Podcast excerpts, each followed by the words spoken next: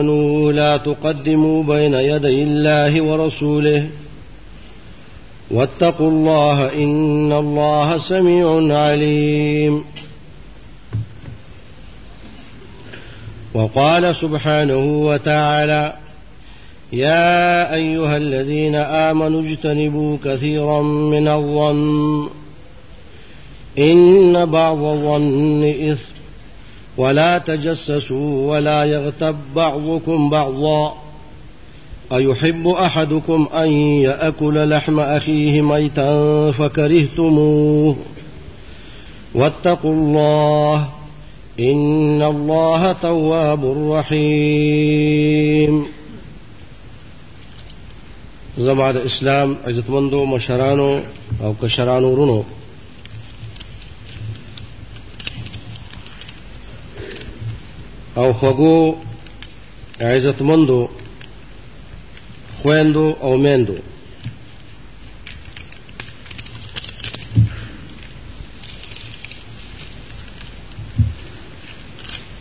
دا درېمه خطبه ده په تفسیر د سوره الحجرات او په بیان د هغې آداب شرعیو چې الله رب العالمین په دې صورت کې ذکر کړی دی او مونږ ته د دې خبرې حکم دی وجوبا فرضا چې دې آداب باندې ځان خسته کو او دا حکمونه چې الله رب العالمین مونږ ته کړی دي دا عملی کو چې دنیا او آخرت زمونږ خشي په دې آدابو کې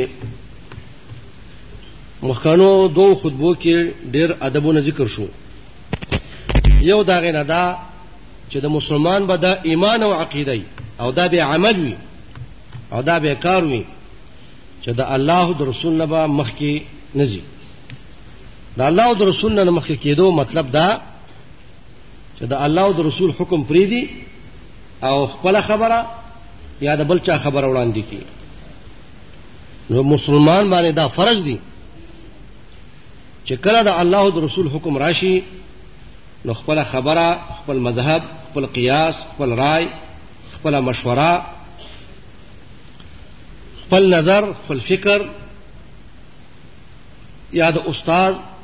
د شیخ او د مشر د پلار د مور د قوم د بچو د اقاربو او یا د خپل امام هیڅ خبره به د الله او د رسول د فرمان نه مخکې کوي دا یو ادب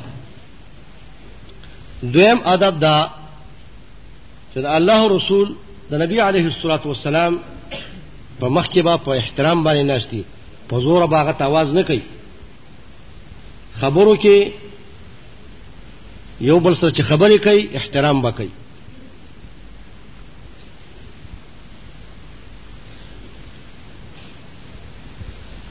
او دریم ادب دا چې کله نبی علیه الصلاۃ والسلام رابلی نو په احترام به رابلی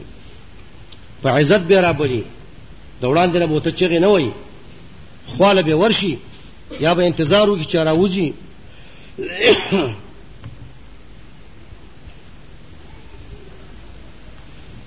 دریم ادب دا چې تاسو ته څوک د چا شکایت وکي د چا خبر دل راوړي د چا د طرف نه چې رفلانی تاسو دا خبره کړې ده دا غي به تحقیق کوي فورا به په هغې باندې عمل نه کوئ هسې نه چې بیا رښتیا راځي او دروغو کلي وران کړي او بیا د دوو دوستانو د دوو ورونو د ښځې او د خاوند یا د رشدارانو منځ کې فساد جوړ شي مخکې نه تحقیق کوئ پنځم ادب دا دا ادبونه قوانین دي د ژوند د ژوند قاعده دي د ژوند اصول دي چې په دې اصول باندې به تاسو ژوند تیروي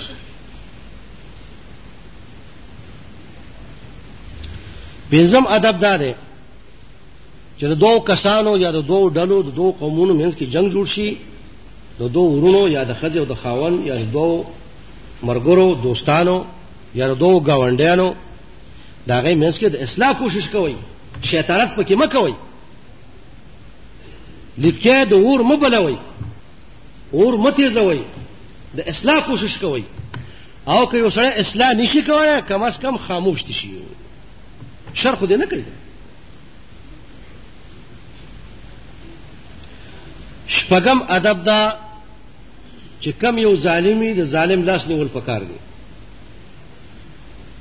او د مظلوم امداد او تعاون پکار دی دا څنګه چې الټا مظلوم راګیر شي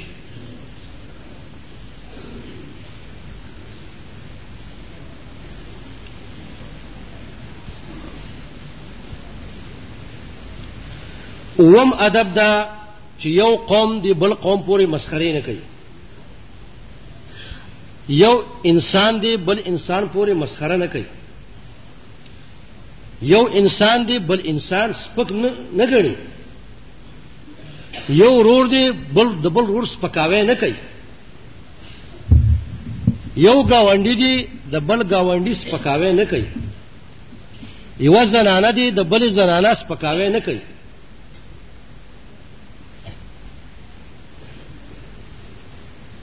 چه جائے کہ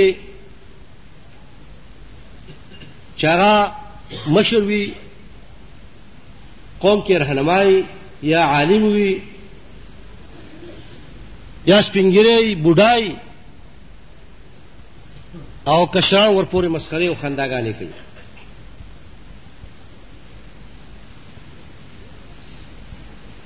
یو بل پسې رخشن مو وهي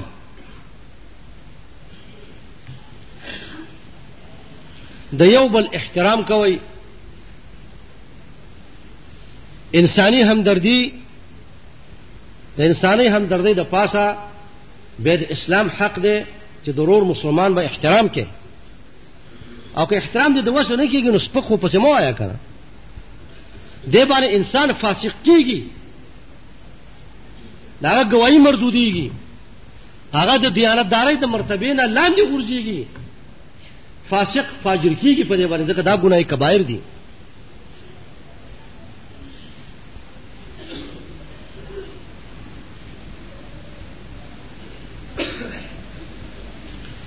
دا اوم ادب دی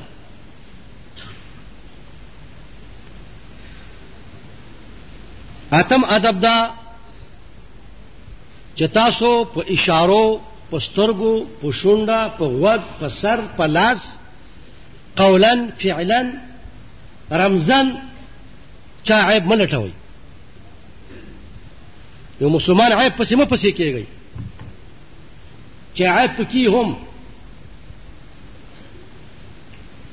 څه ځای کې چې لا هغه عیب هم پکې نه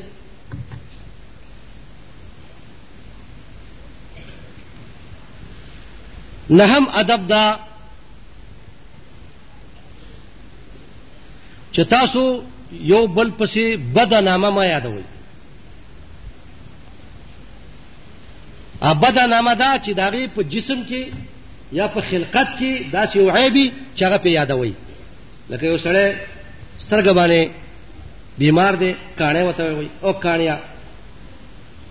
واړوند کیا یا چپ سترګیا یا نور جسم کې څه مرض دی ایبرګیا یا ایلنډ کیا یا یا ته وای چې یو ګودا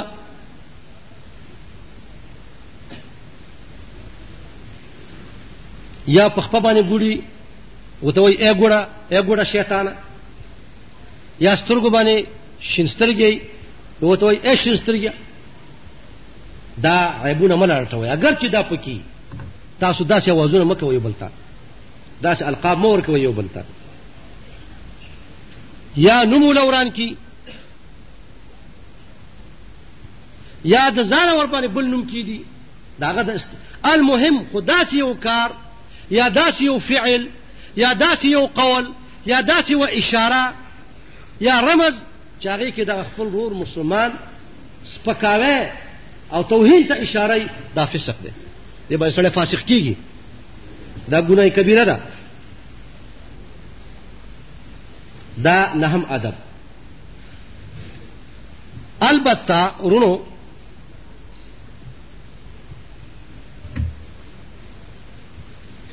یو انسان چې فاسق فاجر وي او مبتدع وي داسې مبتدع چې د بدعت جنډې په لاس کې اخیستي خلک ګمراه کوي بېدینه یي د الله د رسول د احکامو تحریف کوي مضر وي ضرري وي نو د هغه توهین کول هغه پسې مسخره کول د حدودو د لاندې هغه قوم کې شرمول دغه عیب ښکارا کول دغه حقیقت نه پرده پورته کول دا جائز دی بلکې دا واجب دی او دا دین دی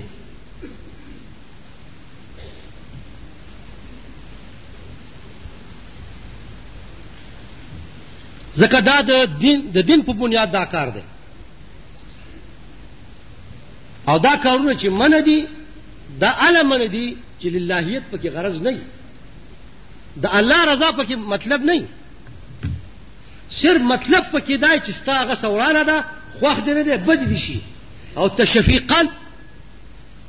او صرف شیطانت دې مقصد دی نو دا احکام هغه وخت کې دي اخو ستا یو انسان سره صرف د الله لپاره ورانه هغه د الله او د رسول دشمن دی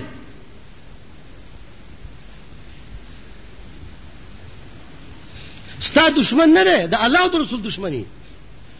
نو چې د الله او د رسول دشمني بیا به ستا هم دشمني ستا دشمني مطلب دا چې تا سره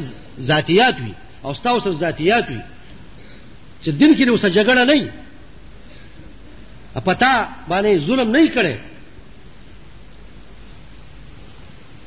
یو انسان چې ظالم وي د الله او د رسول نافرمانی خلک ګمراه کوي بی دینی نو داغه بدی بیانول داغه کشف کول داغه پرده چاک کول داغه به حرمتی کول د اصول د شرع د لاندې د جرح او تعدیل د لاندې چا دروغجن دی کذاب ورته وای یا غ دوکمار دی قرآن سنت کې دوکې کوي ته ته دجال وې یا خلک ګمراه کوي ته ته ځوان مزل وې یا قبر پرست ته ورته قبر پرست وې جهمي دی جهمي ورته وې نو دا جائز دی بلکې دا واجب دی دا ضروری دی دا یو جهاد دی باللسان لکه څنګه چې کافر سره په توره باندې جنگ کول فرض دی دغه شانه معاندینو اهل بدعو باندې رد کول د هغوی قلعه قمع کول دا عین جهاد دی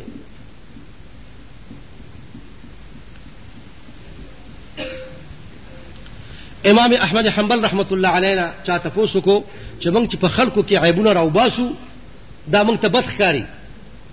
یعنی په راویانو کې او د دروغجن دروغ کار کوو نو دا خو موږ ته ګناه ښکاري چې دا به غیبت امام احمد رحمت الله علیه فرمایل چې دا کار ته ونه کې او زو نکم دین به څنګه محفوظ شي سفیان ابن عیینه رحمت الله علیه فرمای چې مبتدع باندې رد کول د مبتدع پرده چاک کول دا جهاد دی شیخ الاسلام رحمت الله علیه فرمایلی دی چې اهل بدع باندې رد کول دا غي عیبونه راخاره کول دا غوي رسایي کول د هغوی پردې چاک کول دا من افضل الجهاد فی سبیل الله دا غټ جهاد دی امام ابن القیم رحمت الله علیه په الصواعق المرسله او په قصیده نونیه او نورو کتابونو کې لیکلي دي چې اهل بدعو ګمراهانو باندې رد کول دا عین جهاد فی سبیل الله دی دا افضل جهاد دی په لار د الله کې همدغه وجه چې الله پاک فرمای خپل پیغمبر ته فرمای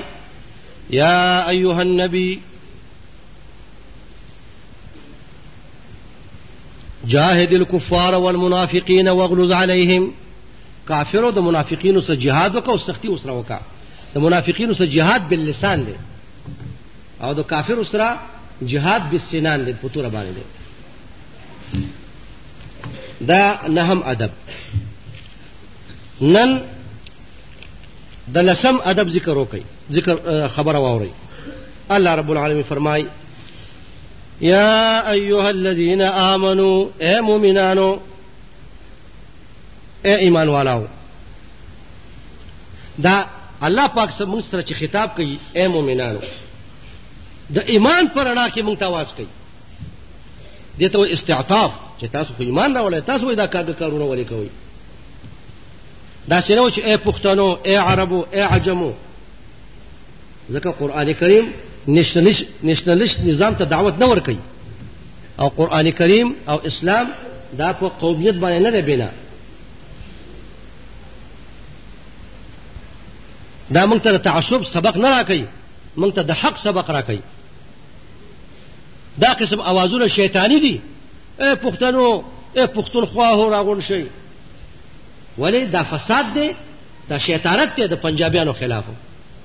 اے سندیانو اے پنجابیانو راغون شي دا شیطانی اوازونه دي ځکه دا جداواله راولي په مند پښتنو او د پنجابیانو کې اے بلوچیانو راغون شي نه اسلام کې دا قصې نشته ده تمیز د رنگ او د نسل او د اقلیم چې دا افغانې دی او دا پاکستانې دی او دا فلانې دی او دا عربي دی یا دا اعجمي دی قران کریم کې چې تمیز دی په تقوا باندې دی څومره چې الله رب العالمین نه زیات یریږي هغه رب العالمین ته زیات قریب دی ورسته براشي نو ځکه د ایمان پر انا باندې الله مونږ ته आवाज کوي الله پاک اے ایمان والو اجتنبوا كثيرا من الظن دا ډېر ګمانونه مه کوئ سړیا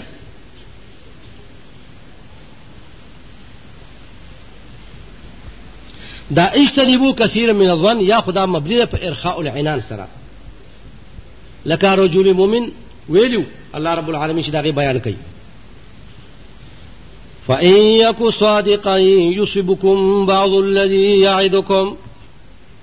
کده رښتونه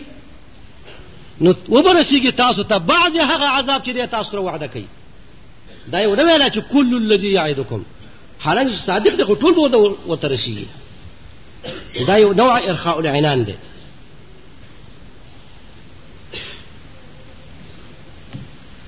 اجتنبوا كثيرا من الظن ما دا ډېر ګمان نه هم کوي سړیا او یا مراد دا ده چې کله یو ګمان مبني په یو دلیل باندې دا خو خیر دی لکه دا به دلیل ګمان هم تاسو کوئ نو ځکه الله تعالی فرمایي اجتنبوا كثيرا من الظن او اکثر ګمانونه دا مبني په دلیل نه دا ټول شیطانی وسوسې دي او نمیمه او چغلي یو بل خبرې وړي راوړي ان بعض الظن اسم ځکه بعضې ګناونه بعضې ګمانونه ګناه ده او د کې شک نشته دی چې کوم مبني په حجت باندې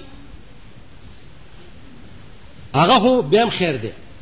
لیکن کوم چې مبني په حجت نه په حجت باندې نه بنا دلیل وسره نه نو ظاهر ده چې یو نوع تهمت دی دا کارونه مه کوئ نبی علیه الصلاة والسلام فرمای ایاکم والظن فإن الظن اکذب الحدیث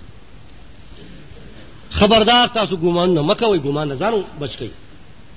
ځکه ګمان چې دی دا دا د ټول نه زیاته در دروغ دروغ دي ګمان سخت دروغ دي او ورونو په معاشره کې چې زموږ څومره فساد او بیلتون او جدایی ده یا کم جنگونه او مخالفتونه دي حتی چې قتل او قتال مړي چې پیخیږي نو اکثر بنیاد د دې بدګماني او هیڅ حقیقت نه د دې وجه نه رب العالمین موږ ته دا ادب راکړي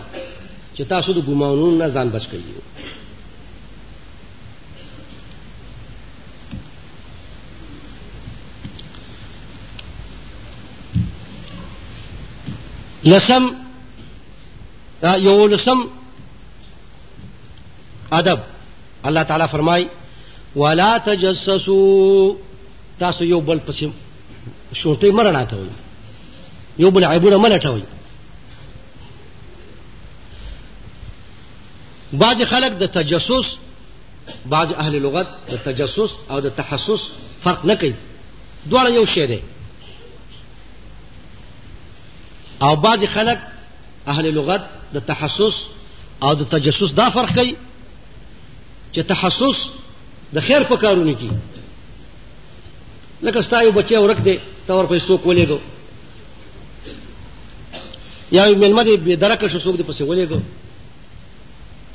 او تجسس د شر د پاره هغه شر د پاره جاسوسي کول یا د خیر کار دی یا د شر کار دی د حق پرستو خلاف د نیکانو خلکو خلاف د هغې خلاف تجسس کول دا شر دی لیکن د اهل شرو خلاف تجسس کول دا خیر دی دغه هم جهاد دی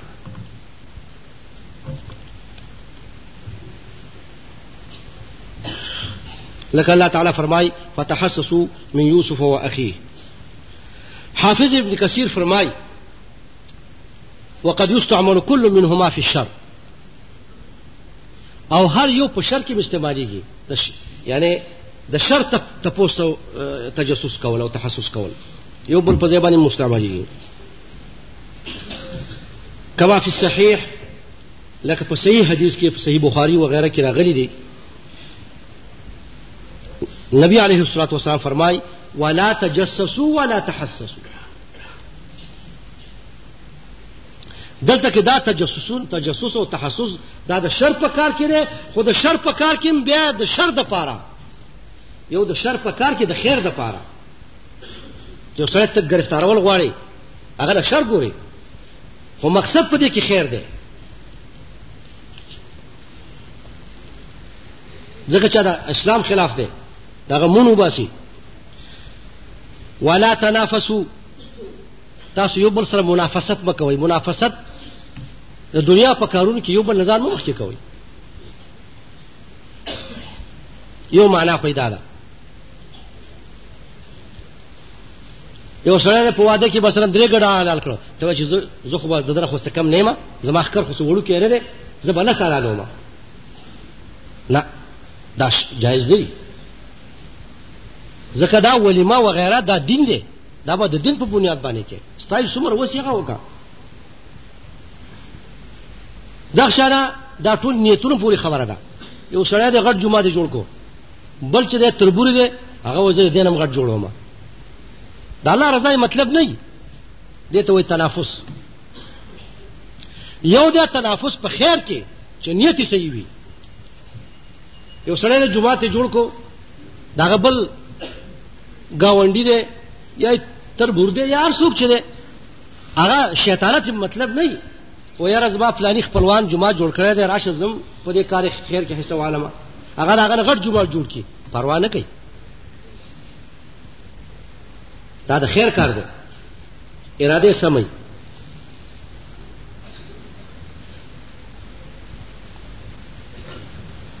یو کس ته لږ غونې علم وکړو بل راغی د هغې نه علم زیات وکړو دا ښه کار دی خو چې اراده سمه یو دی د الله رب العالمین په لاره کې زر روپۍ ورکړې بل وسره تنافس وکړو په خیر کې داغه د ذلت د پاره نه د بل مطلب د پاره نه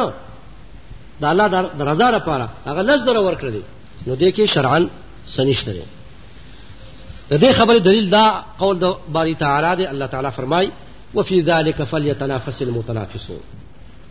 دا جنت او د جنت نعمتونو نعمتونو چې الله پاک بیان کړل پکار دا چې په دې کې د متنافسون تنافس وکړي یعنی مخکې کېدونکي نه یو بل نه مخکې شي او یو بل نه هله مخکې کېږي چې دې دنیا کې عمل صالح وکړي په عمل صالح کې یو بل نه مخکې شي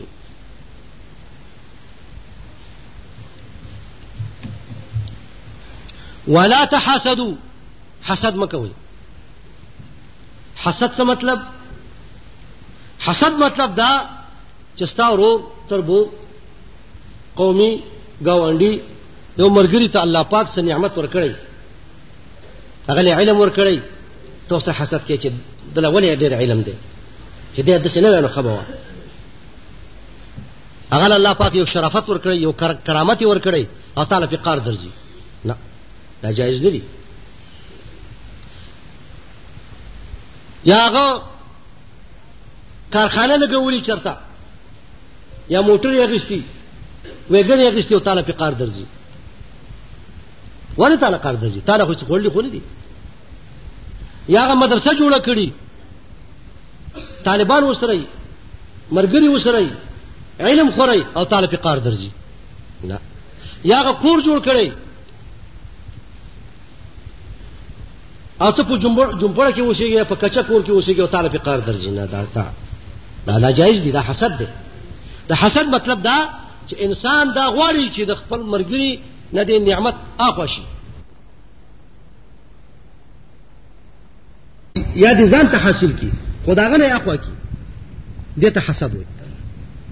دا ډېر شدید جرم دی دا ګناه کبیره ده یو د غبطه غبطه دې ته وایي عام ما باندې مهرباني وکړه دا پروا نه کوي دا غبطه ده لا حسد الا في اثنين هغه دا معنا ده رجل آتاه الله العلم یو هغه سره چې الله پاک ته علم ورکړي هغه خوري علم نشر کوي رڼا خوري په دنیا کې بل ورور دی قومي دی ملګری دی هغه الله نه سوال کوي چې الله مالم د علم راکړه چې زم دا کارونه وکم نو دا پروا نه کوي دا ښه کار دی ورجل آتاه الله المال فهو ينفقه على هلكته بل یو کس چې الله پاک ته د دولت ورکړی دی او هغه دولت لګوي په هغه ځای کې چې کوم ځای کې رب ویلی دی نو بل ګاونډي بل ملګری دی هغه تلا هغه په دې کې اوس راغبته کوي ارمان کې چېره کاش ما سم د شمال وی چې ما هم د الله تعالی په لاره کې لګولی وی نو دا پروا نه کوي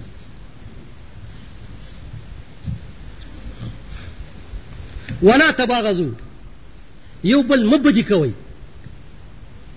بغض بدی ګڼلو ته وایي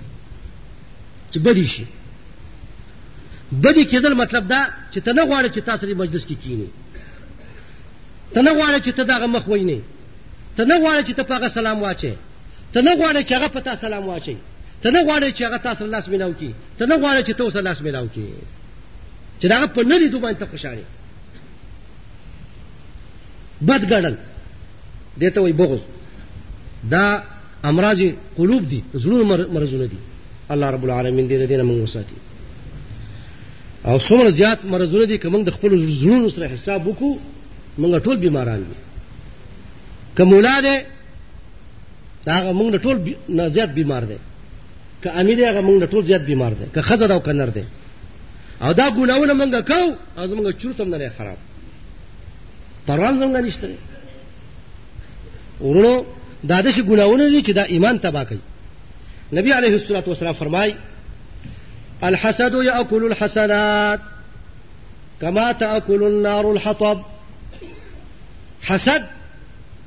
نیکی نیک اعمال داسې تباه کوي لکه اور چې لرګي تباه کوي لرګو چې لرګو ته چې اور ولګي څنګه تباه کوي ناول خو زمونږ نیک اعمال نشته دی ورونو زمونږ څه اعمال به مونږ که د خپل ځان سره حساب وکړو او د شپې د ورځې ګناونه مونږ راجمع کړو او په دې سوچ وکړو چې په سترګه مونږ څونه ګناونه کوو په شپه ورځ کې چوبیس ګنټې ژوند کې په غوږ باندې څومره ګناونه کوو په خوله څومره ګناونه کوو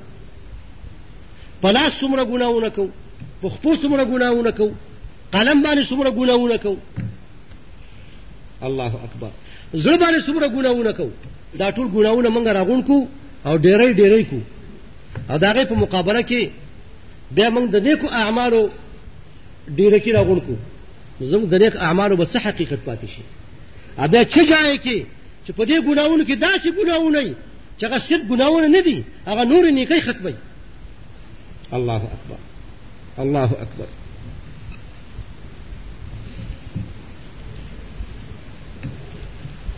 ولا تدابرو دا ولا تدابرو یا تاکید دی د لا تباغضو او یا ذکر د خاص دی پس د عام نه بغض اعم دی یو بل ته مشا کول یا تدابر معنوي یا تدابر حسي چې دوه ورونه دي یو بل سره په لاره کې مخامخ شي یو مخ داسې اړوي بل مخ داسې اړوي سلام نه اچوي یو بل باندې الله اکبر الله اکبر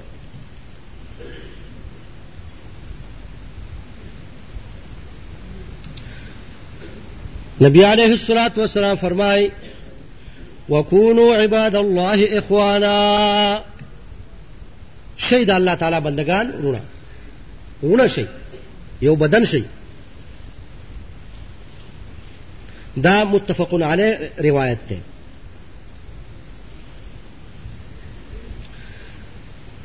د صحیح مسلم په یو روایت کې راځي ولا تقاطعوا یو بل موجودا کوي یو بل نه مشو کېږي الله اکبر ورو که موږ په خپل چم گاوړ باندې سوچ او فکر وکړو بالکل موږ دی بل نه جدای ډېر کله ته زمونږ یو بیمار مرګره یو بیماری موږ به ته نه خبرې وو هغه بل شل ورځې په هسپتال کې پروت موږ ته خبر نه یو ځکه زمونږ میل جول د دین لپاره نشته د دنیا لپاره نه زمونږ یو بل سره ملاقاتونه نشته د الله تعالی د رضا لپاره که دنیا تم ضرورت پیښ شو نو بیا شر سلامونه کوو ملاقات نشته تزاور نشته یو بل سره میل جول نشته یو بل سره احسان نشته نیکی نشته سلی رحمی نشته الله اکبر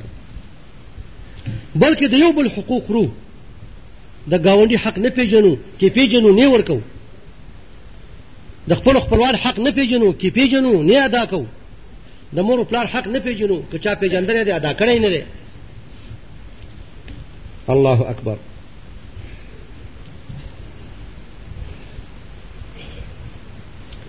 صحیح مسلم پر روایت کې راځي حضرت ابو هريره رضی الله تعالی عنه فرمای چې نبی عليه الصلاه والسلام فرمایلی دي لا يحل لمسلم ان يهجر اخاه فوق ثلاثه ايام یو مسلمان لره دانه دی پکار چې خپل رور مسلمان سره ورانه کی د درې ورځو نه زیاته زیات نه زیات ستا چا سره ورانه درې ورځې خلاص درې ورځې نه زیات اوسه نه ورانه الله اکبر الله اکبر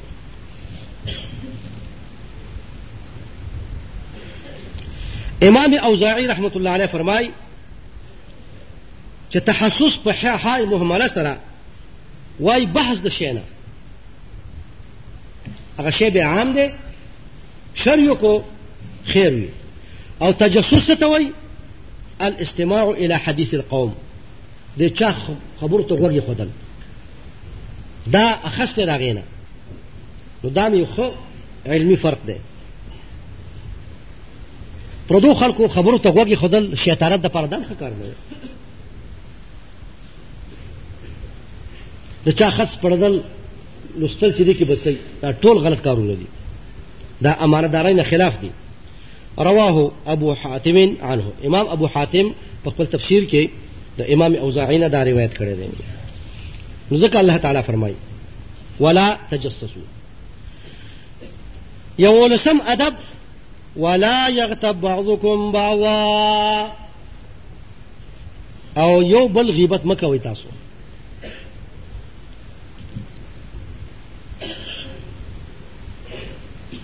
الله اکبر غیبت په غیبه باندې منه په شیشه د چا عیب بیانول ذکرک اخاک بما يكره دای دقیق تعریف دی جامع او مانع یو ورور مسلمان په دې کې خزم داخله ده ته یو و خور مسلمانه یو زنانه یادې په بده باندې یا یو زنانه بل زنانه په بده یادې یا یو زنانه بل ورور مسلمان سړی په بده یادې یا یو مسلمان بل مسلمانه خزه په بده یادې نه دا به نه کوي په داسې باندې چې هغې کې هغه عیب موجود وي دغه غیبت دی دا ډېر عظیم جرم دی ورونو په شیشه چې بیانوي یو صحابي تپوس وکړو یا رسول الله ان کان فی اخی ما اقول چې زما په ورور کې هغه عیب وي چې زه بیانوم چې پکې نو بیا نبی علیه الصلاة والسلام فرمایي ان كان في اخيك ما تقول فقد اغتبته چې ته چې کوم عیب بیانې هغه ستاغه په ورور کې وي مسلمان کې دا ستا تا ول غیبت وکړو په شیشه چې عیب ولا بیان کړ او که پکې نه فقط بهته تا په بهتان وتړو ام بهتان عظیم جرم دی یو غیبت شو او یو دروغ شو دې ته وایي تقول او تقویل تقول اعم دی د تقویل نه تقول بهتان دروغو ته وایي هغه فعل ته شامل دی او تقویل چا پسې خبره تړل چې پلاني دا ویلي دي دا قول سره تعلق لري الله اکبر احادیثو کې د غیبت مبارک بشمار احادیث دي چې غیبت ډېر عظیم جرم دی منګه خپل مجلس چې په غیبت ګرم کړی نه منګه باندې سات نه تیریږي ولې منګه خارختیان یو خولیم خارختیږي بدن هم خارخ کوي چې غیبت هم نه کړی مجلس هغه چې مجلس هوټل یا په ګاډي کې چې ناس یا په کور بوجره کې ناس یو جماعت کې ناس یو چې غیبت هم نه کړی زموږ مجلس کې مالګه مساله نه راځي دا د مسلمانانو عامه معاشره جوړه شوې ده دا سوچ نه کوي چې اکرام مسلم د مسلمان شان شوکت څومره دی د مسلمان عبرت عظمت او د مسلمان ابرو څومره لوی شان لري په دې سوچ موږ نه کوو غیبت به کوو دا غیبت یا قولا یا فعلا یا په اشارو پر موضوع باندې الله اکبر الله رب العالمین فرمای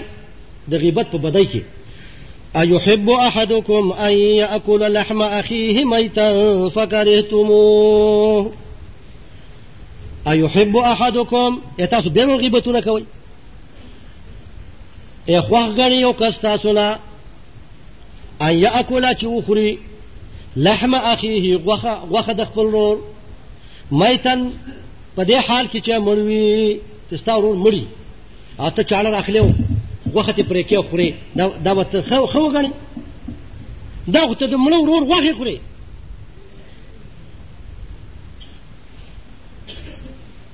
استفهام انکاری دی یعنی دا خوښ نه ګڼي تاسو کې یو کس فکرهتموه تاسو خدا شی بد ګڼئ چې یو انسان د خپل مړ ورور غوښې خوري دا خو ته عیب ښکاري شرم ورته ښکاري او دا ته ډیر عظیم جرم ښکاری نو دا شانه چې ته داغه عیب بیانې مجلسونو کې نو دا د شانه عظیم جرم دی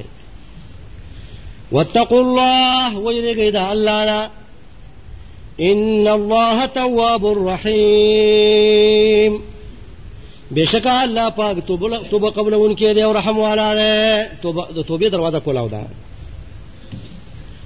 دا یولس ادبونه شو دولسم ادب الله رب العالمین فرمای یا ایها الناس ای خلکو انا خلقناکم من تاسو پیدا کړی من ذکر و انسا د یو خز د یو نر او د یو خزنا چې آدم او داغه خزا حوا حوا ما تاسو د یو خځه د یو نر نه پیدا کړی یی تاسو یو جسم یی تاسو ټول خويندې ورونه یی دا تیته استعطاف یعنی یو بل باندې عطف کوي مهرباني کوي تاسو پر دې نه یی وجعلناكم شعوبا وقبائل او تاسو منګه کړی یی شعوبا خاندانونه خاندانونه وقبائل او قومونه قومونه نسبونه نسبونه تاسو چې مونږه دورم ډیر کړلې چې دنیا کې خواره شولې نسبونه شوي او فرقې شولې قومونه قومونه شولې طایفې شولې شعوب جمع د شعب ده غټ قوم ته وایي او قبائل جمع د قبیله دا وړو کی ته وای لکه پښتون قوم هغه کې بیا سلطان خیل علي خان خیل محمد مامون اپریدی خټک وردګ ټول پکې داخل دي یوسف زی ادم خیل ټول پکې داخل دي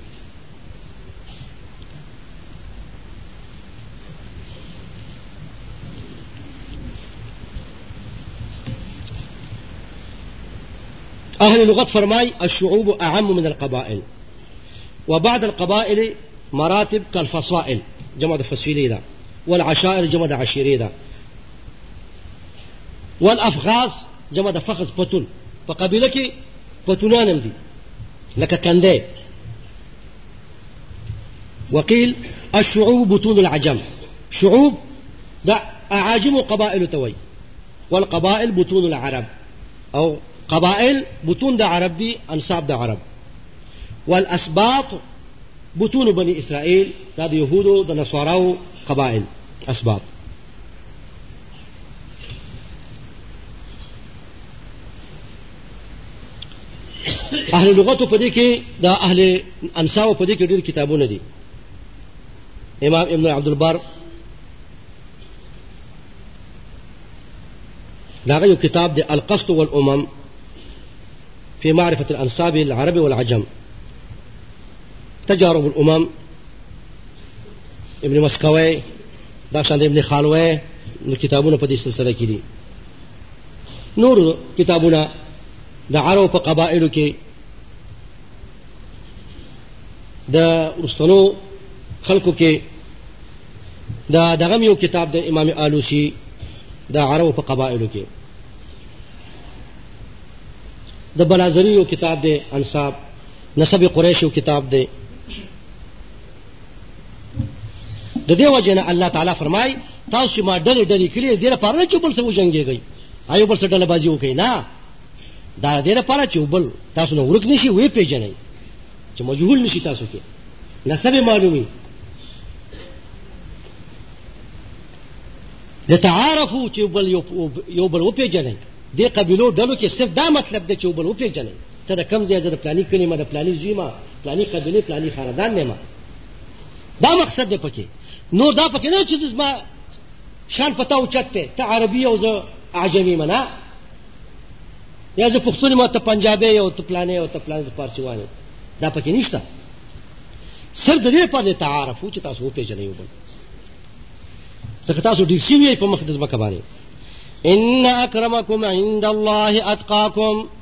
تاسو کې غوړه پنځ در رب العالمین هغه دی چې تاسو کې ډیر یریږي در رب العالمین نه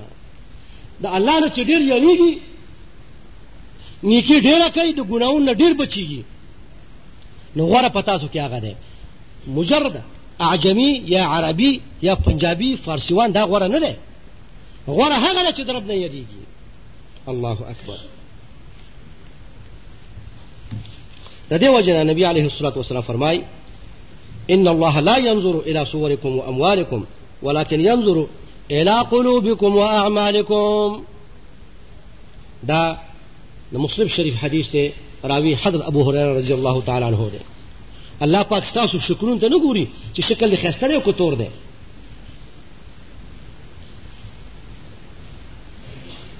الله رب العالمین دې ته نه ګوري چې د کم قوم نه د کم نسب نه دې ته نه ګوري دې ته ګوري چې اخلاق دې څنګه دي اعمال دې څنګه دي کردار دې څنګه دی اسلام او ایمان دې څنګه دی دې ته ګوري الله اکبر کومه ناوې چې په ځان باندې ښایسته نه وي فایده نه کوي هغې ته خواهش د مور او د پلار یوه جنۍ ده ښایسته ده خوبصورته ده یوه جنۍ ده په خپله بدشکله ده بدرنګه ده مور و پلار یې ښایسته دي نو څه فایده نسب باندې کار نه کېږي من لم يسرع به نسبه حسبه من بطأ به عمله لم يسرع به حسبه نسبه چې په عمل عمل ته تیز کړی نه د عمل پټرول په ځان کې اچولی نه نو ستا ګاړی نه ځي په نسب باندې په دې نه چې فاجرو ګاړی دی مرسډیس ګاړی دی چې پټرول پکې نه یو قوت پکې نه نه په دې کار نه کیږي نسب باندې څوک نه تیزیږي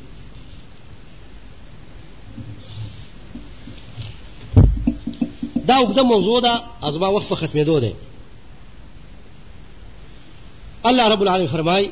ان الله علیم خبیر دې کې دې ته اشاره ده چې الله پاک پیژنې په تاسو کې خبر پیژنې په تاسو کې نیک سړی او بد سړی والله يعلم المفسد من المصلح دا تنبیه د انذار دی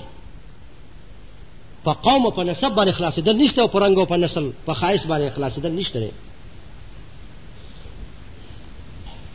دا ډیره متشابه موضوع ده که موقع ان شاء الله بیا به څه وخت په دې باندې بیان وکړو دغه شاره د قوم د قبیلې لپاره جنگ کول دلبازی کول دا تعصب دی دا ناجایز دی نبی علیه الصلاه والسلام فرمای ليس منا من دعا الى العصبيه ليس منا من مات على العصبيه هغه زمونږ نه دی یو سړی چې د قوم د قوم او د ډلبازي د پاره دعوت ور کوي یا ډلبازي د پاره جنگ جنگ او مرګ کوي زموږ اکثر پښتانه داسې دي چې ترزي مرګ وکي نه نور تر ځامن اوسه په ظلم کې مرګري یو چې ټوپک راواخلي نه نور اوسه ټوپک راخلي نه وای وای ستاره ترزي ټوپک راغسته په ظلم راغسته که په عدل په انصاف راغسته کغه ناجایز کې ټوپک ته واخلي منه کوي ځکه خو دا فساد نه ختمېږي او ورځ په ورځ باندې زیاتېږي د انسان قیمت د چرګ او د چینچڼې او د مرغۍ نه چې دی لاندې شوی دی د چرګ ذبحه او د مرغۍ نیول او حلالول ګران دي او د انسان مرګ خلکو ته اسان شوی دی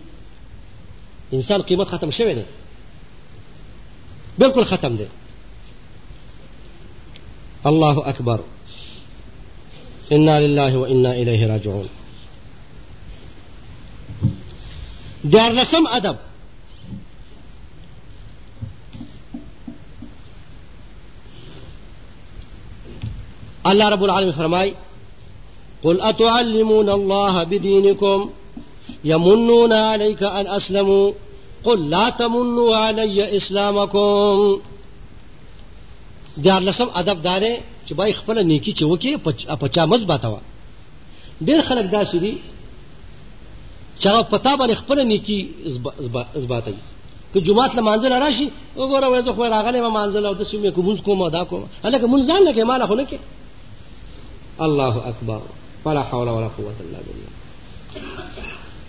آی زه خو دې مدرسې له راغلی مو داسې مو هغسې مو آی زه خو چې دی اهل حدیث مذهب مې قبول کړی دی داسې هغه قبول کړی ځان دې قبول کړی دی په ما داسې احسان دی آی ما خو ګیره پرېښې ده هلکه ګیره دې د رب دپاره پرېښې ده که رب دې یاد نه وي ځان خو ټول وخلی وه موږ سره دې څه نه نیک عمل چې کې ځان د پاره کې په بل چا باندې نیک عمل احسان نه کوي ها البته یو شکوه ده شکوه جائز ده یو سره چاته د احسان په تور نه د زبات او په تور نه د من او د عذاب په تور نه د بیزتۍ په تور نه د شکوې په تور څوک چاته وای چې باید زما خو تاسو مینه ده ما خو تعالی دونه دونه خدمتونه کړی دي ته ولې دا چل کې دا پروا نه کوي دا شکوه ده دا هغه د خپل بد فعل نه ردعه کوي منې کوي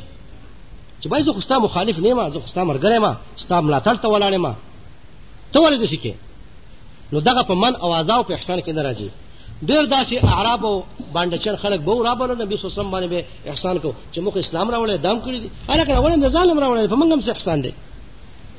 الله اکبر دا در رسم ادب ځکه الله تعالی فرمای یمنون علیک ان اسلمو دوی پتا باندې احسان کوي چې اسلام دوی اسلام راوړی دی نو تعالی خو نه راوړی ځان یې راوړی دی قل اوایا ورته پیغمبره لا تمنوا علی اسلامکم ما باندې اسلام ثبات مکوئ په ما څه احسان دی احسان خو در باندې زمانه چې ما تاسو ته دین وښودو الله اکبر الله اکبر ډېر داسې ګمراه ناپوهه خلک شته چې یو عالم ورته دین هم زده کړی او د هغه د لاسه چې کوم دی هغه ته هدایت شوی توحید صورت سبق یې ورته زده کړی او په معمولي خبره باندې د هغه سره لاس هم نه بیا نه میلاوي سلام هم پې بیا نه کوي الټه پې بیا احسان کوي هلکه احسان خو د باندې دغه عالم دی چې تا ته دین ښودلی دی ستا پسې احسان دی بل الله یمن علیکم بلکې الله په تاسو احسان کوي اثبات کوي په تاسو باندې د دې وجنه ان هداکم للایمان چې تاسو ته لار خودلې د ایمان طرف ته تاسو ته ارشاد کړی دی تاسو ته لار خودلې ده تاسو ته پوهه درکړې ده تاسو ته علم درکو تاسو د گمراهۍ نه راويستي تیارې نه راويستلې رڼا د ایمان ته ان کنتم صادقین که تاسو رښتونی یې په دې ځبات کې خو رښتونی نه یې کذبات کوي ځبات بیا رب د پتا سو ځبات وکي تاسو مه کوي دا یو شو آداب په دې صورت کې د اصلاح د معاشرې د پاره الله رب العالمین دې زموږ په حال باندې رحم وکي الله پاک دې د دې خطرناکو خطرناکو مرزونو نه زمونږ معاشره محفوظ وساتي او د دې مرزونو نه دی الله پاک زمونږ زړونه محفوظ وساتي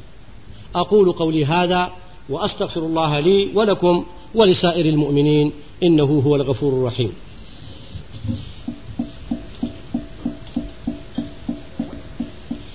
إن الحمد لله نحمده ونستعينه ونستغفره ونؤمن به ونتوكل عليه ونعوذ بالله من شرور أنفسنا ومن سيئات أعمالنا من يهده الله فلا مضل له کرت کچرتا کچرتا یو سړی قصدن رفع الیدین نه کوي رفع الیدین نه کوي نه پدې کې څه ګنا شته دی جزاکم الله خیر زما ورونو رفع الیدین معنا لاس پورته کول په منځ کې د نبی علیه الصلاۃ والسلام نه په صحیح صحیح احادیثو کې درې ځای لاس پورته کول عام طور منځونو کې ثابت دي تکبیر اولا کې او چې رکو ته کته کېږي او چې رکو نه پورته کېږي او چې عبده رسوله او دریم رکعت ته فاصې بیا او دغه شانه د نبی علیه الصلاة والسلام نه بشمار احادیثو کې دا ثابت دي بخاری مسلم ترمذی ابو داود نسائی المهم په مخ د ځمکه چې د احادیثو کتابونه دي په هر نوم باندې مسانی جوامع ټول کې شته او متواتر متواتر احادیث دي دا د مونږ یو جز دی د مونږ په صفت کې داخل دی په بیان کې د مونږ په هيئاتو کې داخل دی او د دې مطلب دا دی چې د کې د الله رب العالمین بڑای او تعظیم او لوی ته اشاره ده او بل په دې کې د نبی صلی الله علیه و آله وسلم د تابعداري ته اشاره ده